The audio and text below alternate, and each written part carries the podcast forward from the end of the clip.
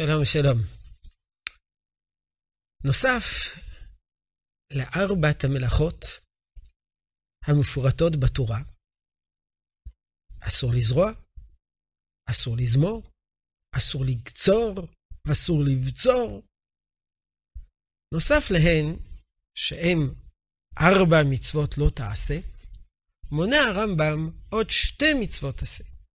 הראשונה שבהם, ושבתה הארץ שבת לשם. שנת שבתון יהיה לארץ. והשאלה, מצוות עשה זו, האם היא מקבילה לאיסורי מלאכה?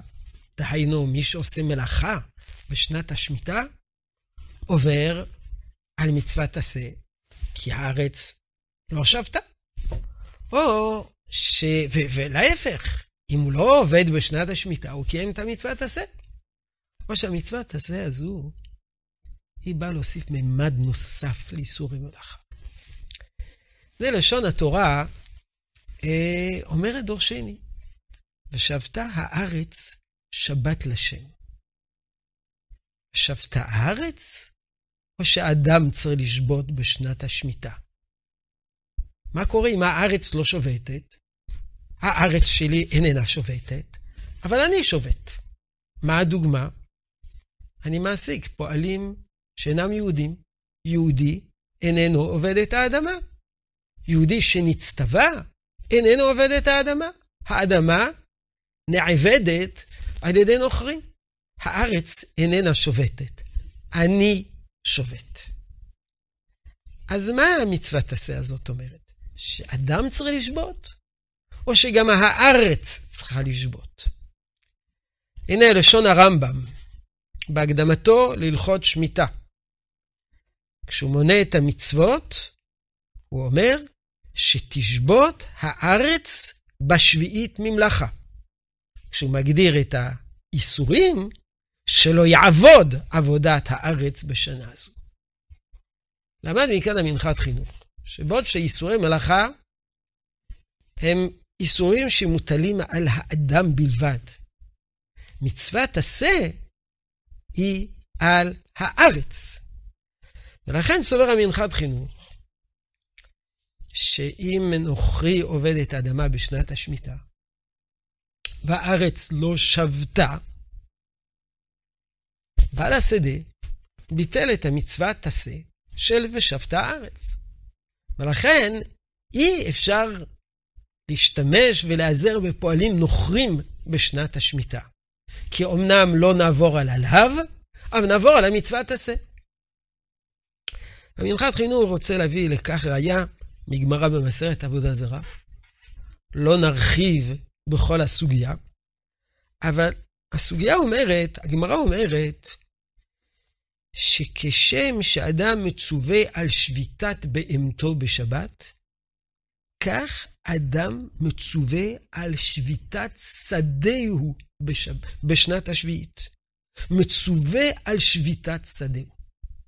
כל אחד יודע שעל שביתת בהמתו אדם מצווה. גם אם נוכרי, מעביד את בהמתו בשבת. אדם עובר על מצוות שביתת בהמתו. כך, אם הארץ נעבדת בשנת השמיטה, גם אם אני לא עובד, אני ביטלתי את המצוות עשה. ורש"י כותב, אדם מצווה על שביתת שדהו, שנת שבתון יהיה לארץ. מכאן הסיק, באופן חד משמעי, המנחת חינוך, שאם נוחי עובד בשנת השמיטה, בעל השדה מבטל מצוות עשה. הוא כותב שלמרות שהרמב"ם לא כתב את זה, היינו מצפים שהרמב"ם יכתוב את זה במפורש, אומר, ודאי הלכה היא באין חולק. זה ברור, זה מובן. אומר הרב קוק, אם המנחת חינוך, חינוך צודק, אז ההשלכות הן הרבה מעבר למה שכתב המנחת חינוך, מפני שאז מה קורה אם uh, נוחי עובד בשדה שלא על דעתי? אני לא הזכרתי אותו, לא שכרתי אותו, לא לקחתי פועלים, אלא הוא נכנס לשדה שלי ועובד. גם כן אני מבטל מצוות עשה. אז, התפ... אז, אז אני כבעלה, כבעל השדה, אני צריך למנוע מן הגוי לעבוד בשדה. לא רק שאסור לי להשכיר, לשכור פועלים נוחים, אלא גם אני צריך למנוע מפועל נוחי להיכנס לשדה שלי. אומר רב קוק, כיוון שכתוב, שנת שבתון יהיה לארץ, אז מדובר על כל ארץ ישראל. אז אם מדובר על כל ארץ ישראל, אז אני צריך למנוע מכל שטח חקלאי בארץ ישראל, שתעשה בו מלאכה בשנת השמיטה, בין על ידי נוחי, בין על ידי יהודי. כי אז הארץ איננה שובתת, ואם הארץ איננה שובתת, אני מבטל מצוות עשה. אומר הרב קוק, זה נראה קצת מופרז. אבל זו באמת דעתו של המנחת חינוך. ולכן המנחת חינוך, במצווה שכ"ט, השיג על המהרית, שהתיר באופנים מסוימים, שנזכיר בהמשך, לזכור פועלים נוכרים בשנת השמיטה. רב קוק, כאמור, חולק על כך. רב קוק סובר שהארץ, שהביטול מצוות עשה, הוא דווקא כאשר יהודי עובד את האדמה. נכון, כתוב ושבתה הארץ. הארץ צריכה לשבות. אבל הארץ צריכה לשבות ממה? כיצד מופרת שליטת הארץ? לדוגמה, יורד גשם ויש צמחים שצומחים אליהם. ביטלתי מצוות עשה? בכל הדעות לא, כי זה לא נעשה על ידי, על ידי מעשה אדם, לא על ידי ידי אדם. קוף, קוף מאולף עובד באדמה. אומר הרב קוק, פשוט שאף אחד לא עובר על ושבת הארץ. שנת שבתון יהיה לארץ, שבת שבתון יהיה לארץ. מכיוון שהמלאכה לא נעשתה על ידי אדם.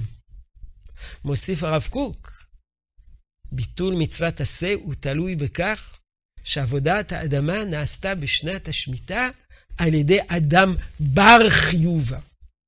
אם יהודי עובד באדמה, אז האדמה איננה שובתת. אבל אם גוי עובד באדמה, זה לא נקרא שהאדמה לא שובתת. כשם שאם יורד גשם, וכשם שקוף שעובד את האדמה, איננה מבטל את שביתת האדמה. אם כן, זו, זו המחלוקת. לפי המנחת חינוך, אין הבדל אם יהודי עובד באדמה, גוי עובד באדמה. בכל מקרה, זה מוגדר כשהארץ איננה שובתת. לעומת זאת, לפי הרב קוק, דווקא כאשר בר חיובה, אדם שמחויב, יהודי, שמחויב בתורה ומצוות, הוא מחויב לקיים מצוות שנת השמיטה, עובד באדמה, רק אז הארץ איננה שובתת.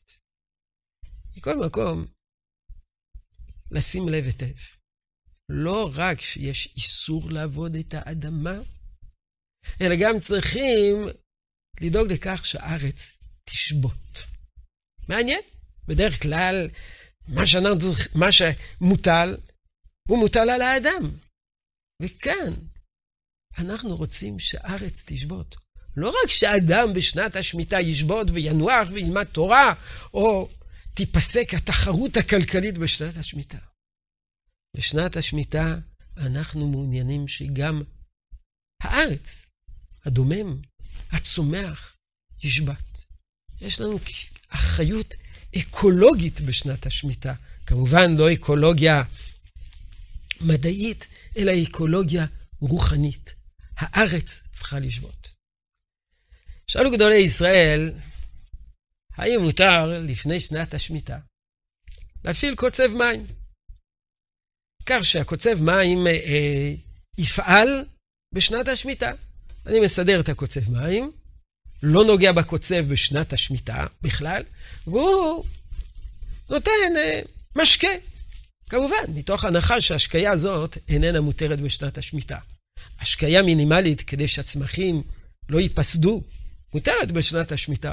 פה מדובר בהשקיה כדי להניב יבול אה, משמעותי באילנות, לא רק כדי לשמר על האילן שלא יתייבש.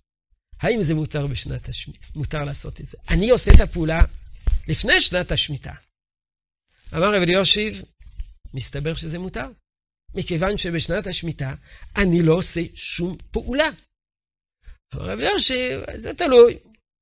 אם יש הפסקות חשמל או אין הפסקת חשמל. אם יש הפסקות חשמל ויהודי מחזיר את החשמל, אז בגלל יהודי ייתכן מאוד שהעבודה הזאת נעשית על ידו, אבל רב אליושיב דן אם השקעה זה דורייתא או השקעה זה דרבנן, ועל פי זה תולה את התשובה בשאלה הזאת. אבל מכל מקום למדנו שלפי חלק מן האחרונים, מצוות שמיטה, המצווה הזאת שנמנית במניין המצוות, אכן מוסיפה מעל ומעבר למלאכות עצמם. המלאכות עצמם, האדם אסור לעשות מלאכה. אסור לאדם לעשות מלאכה. בעוד שהמצוות עשה הזאת היא מצוות עשה על האדמה, שאוסרת גם על נוכרי לעבוד את האדמה. אני אסיים בכך שהרב קוק, שתמך בהיתר המכירה, סבר שגם לאחר היתר המכירה, מלאכות דאורייתא אין לעשות על ידי יהודי. לא זריעה, ולא זמירה, ולא קצירה ולא פצירה, שעוד נפרש מהם, ודרש שהן תיעשינה על ידי נוכרי. תוך הסתמכות על השיטות שמלאכות שנעשות על ידי נוכרי, הרבה פחות חמורות.